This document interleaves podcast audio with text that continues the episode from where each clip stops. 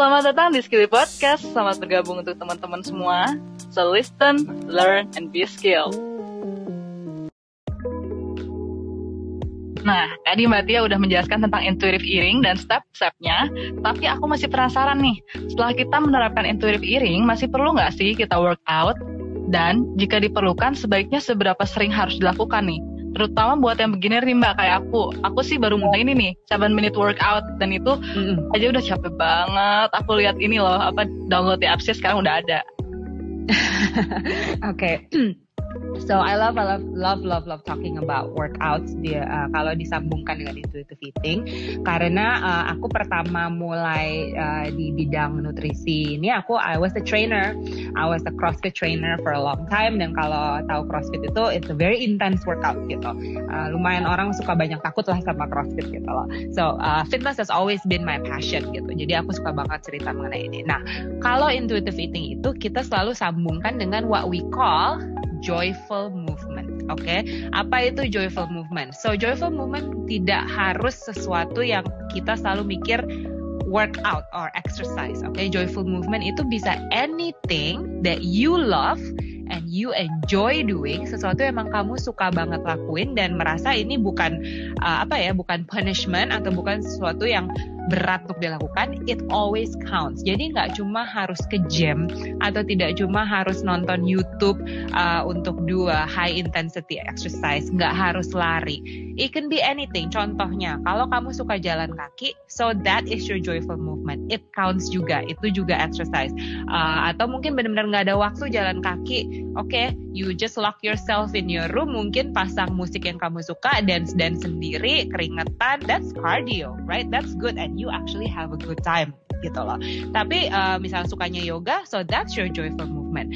Tapi ya misalnya emang sukanya yang berat-berat, misalnya suka crossfit atau suka lari jarak jauh, so that's your joyful movement. So the thing with joyful movement is apa pun yang bisa kamu lakukan, tapi kamu konsisten gitu. Karena kalau misalnya kita ngerasa, wah gue harus ke gym nih, padahal nggak ada waktu, atau padahal capek, padahal males, cuma harus supaya sehat. Nah itu udah not a good mindset, karena kita nggak akan tahan lama, karena sebenarnya dalam hati nggak pengen ya nggak sih? Yeah. Tapi kalau emang kita pengen ke gym, oh that will last for sure. Tapi kalau kita lebih senang olahraga di rumah atau mungkin grup kelas nanti ya kalau udah nggak pandemi lagi, uh, benar-benar ikut kelas gitu. So that's what you love, so that's what you do, joyful movement. Nah kalau pertanyaannya, apakah ini sesuatu yang harus kita lakukan? Apakah ini penting? Yes, I think moving our body is very important. Itu adalah salah satu uh, apa ya syarat untuk menjadi sehat lah ya. Tapi ya itu jangan berpikir uh, itu harus exercise yang berat-berat atau has to be something yang orang lain lakuin orang-orang pada lari. Gue nggak suka lari ya. Ya udah nggak lari. What do you like? You like zumba? Then do zumba. You like just walking? You do walking gitu. Mungkin uh, ada juga sesuatu yang aku suka um, terapkan ke my clients yang sibuk gitu ya. This is what we call fitness snacking. Jadi kadang kalau kita mikir olahraga 20 menit wah itu lama juga ya. Gue mungkin nggak ada waktu. So snacking fitness snacking itu jadi uh, sempet sempetin aja. Mungkin pagi cuma sempet dua menit. Dua menit squat. Udah gitu mungkin dua jam lagi bisa ada waktu dua menit lagi. Kita push up.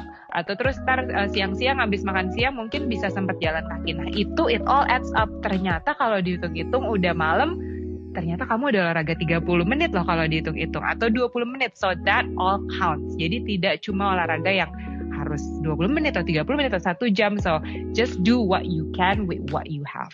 Kayak gitu. Oke okay. gitu guys. Jadi kita harus olahraga dalam bentuk apa pun. Yes. Itu menarik banget. Karena teman aku itu dia senang fitness uh, tapi fitnessnya apa yang dance gitu loh. Aku nggak tahu itu namanya apa tapi kayak iya jadi kayak aku kayak wow keren banget. Tapi aku belum bisa kayak gitu. Jadi aku ya udah olahraga kecilan aja. Iya iya iya. Berarti ya boleh nggak aku nanya um, Mbak hmm. tuh memulai kehidupan yang healthy lifestyle ini tuh sejak usia berapa sih kira-kira? Waktu aku umur 13 tahun karena ayah aku suka banget um, dengan nge-gym gitu. Jadi dia suka ngajak gitu. So that was my very early, the earliest uh, introduction uh, dengan olahraga. Jadi dari 13 tahun kira-kira. Um, so terus di saat aku menjadi CrossFit trainer itu du sekitar 2012 lah. Uh, itu aku mulai serius nih uh, apa jadi personal trainer, terus mulai sekolah lagi sekolah nutrisi gitu.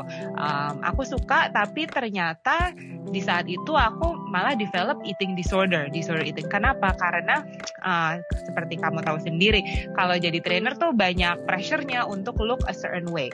Kalau trainer itu uh, orang-orang mikir, wah lo trainer lo pasti punya six pack atau lo pasti makannya sehat banget. So there is this pressure to look a certain way. Nah aku waktu itu baru beberapa hari lalu bikin posting di Instagram aku, aku bilang my body is not my business card.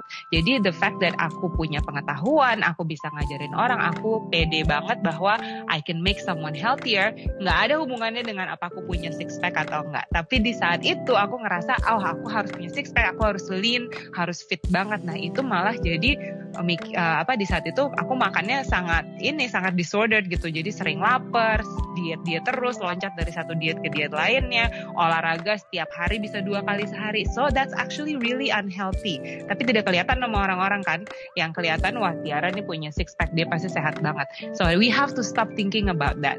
Semua orang yang kamu lihat di Instagram misalnya, wah Fitspo nih keren banget body goal. You don't know what they do to get to that point. Kamu nggak tahu apa dia melakukan itu dengan sehat atau ternyata sangat-sangat tidak sehat. And the majority of them sebenarnya sangat tidak sehat. Gitu. Jadi kita tidak boleh apa ya menilai orang cuma dari how they look like kayak gitu.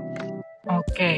jadi tidak terlambat ya buat kayak aku sih sekarang 23 untuk memulai olahraga lagi itu terlambat gak? Tentu tidak, tentu tidak. Dan itulah kamu jangan mikir, wah gue olahraga harus ini nih, kalau nggak ini nggak, it doesn't count. No, no, no. Just do what you can gitu. Some days mungkin kamu lebih pengen yang berat-berat, some days kamu cuma pengen yoga, pilates, atau mungkin jalan kaki, and that's completely valid.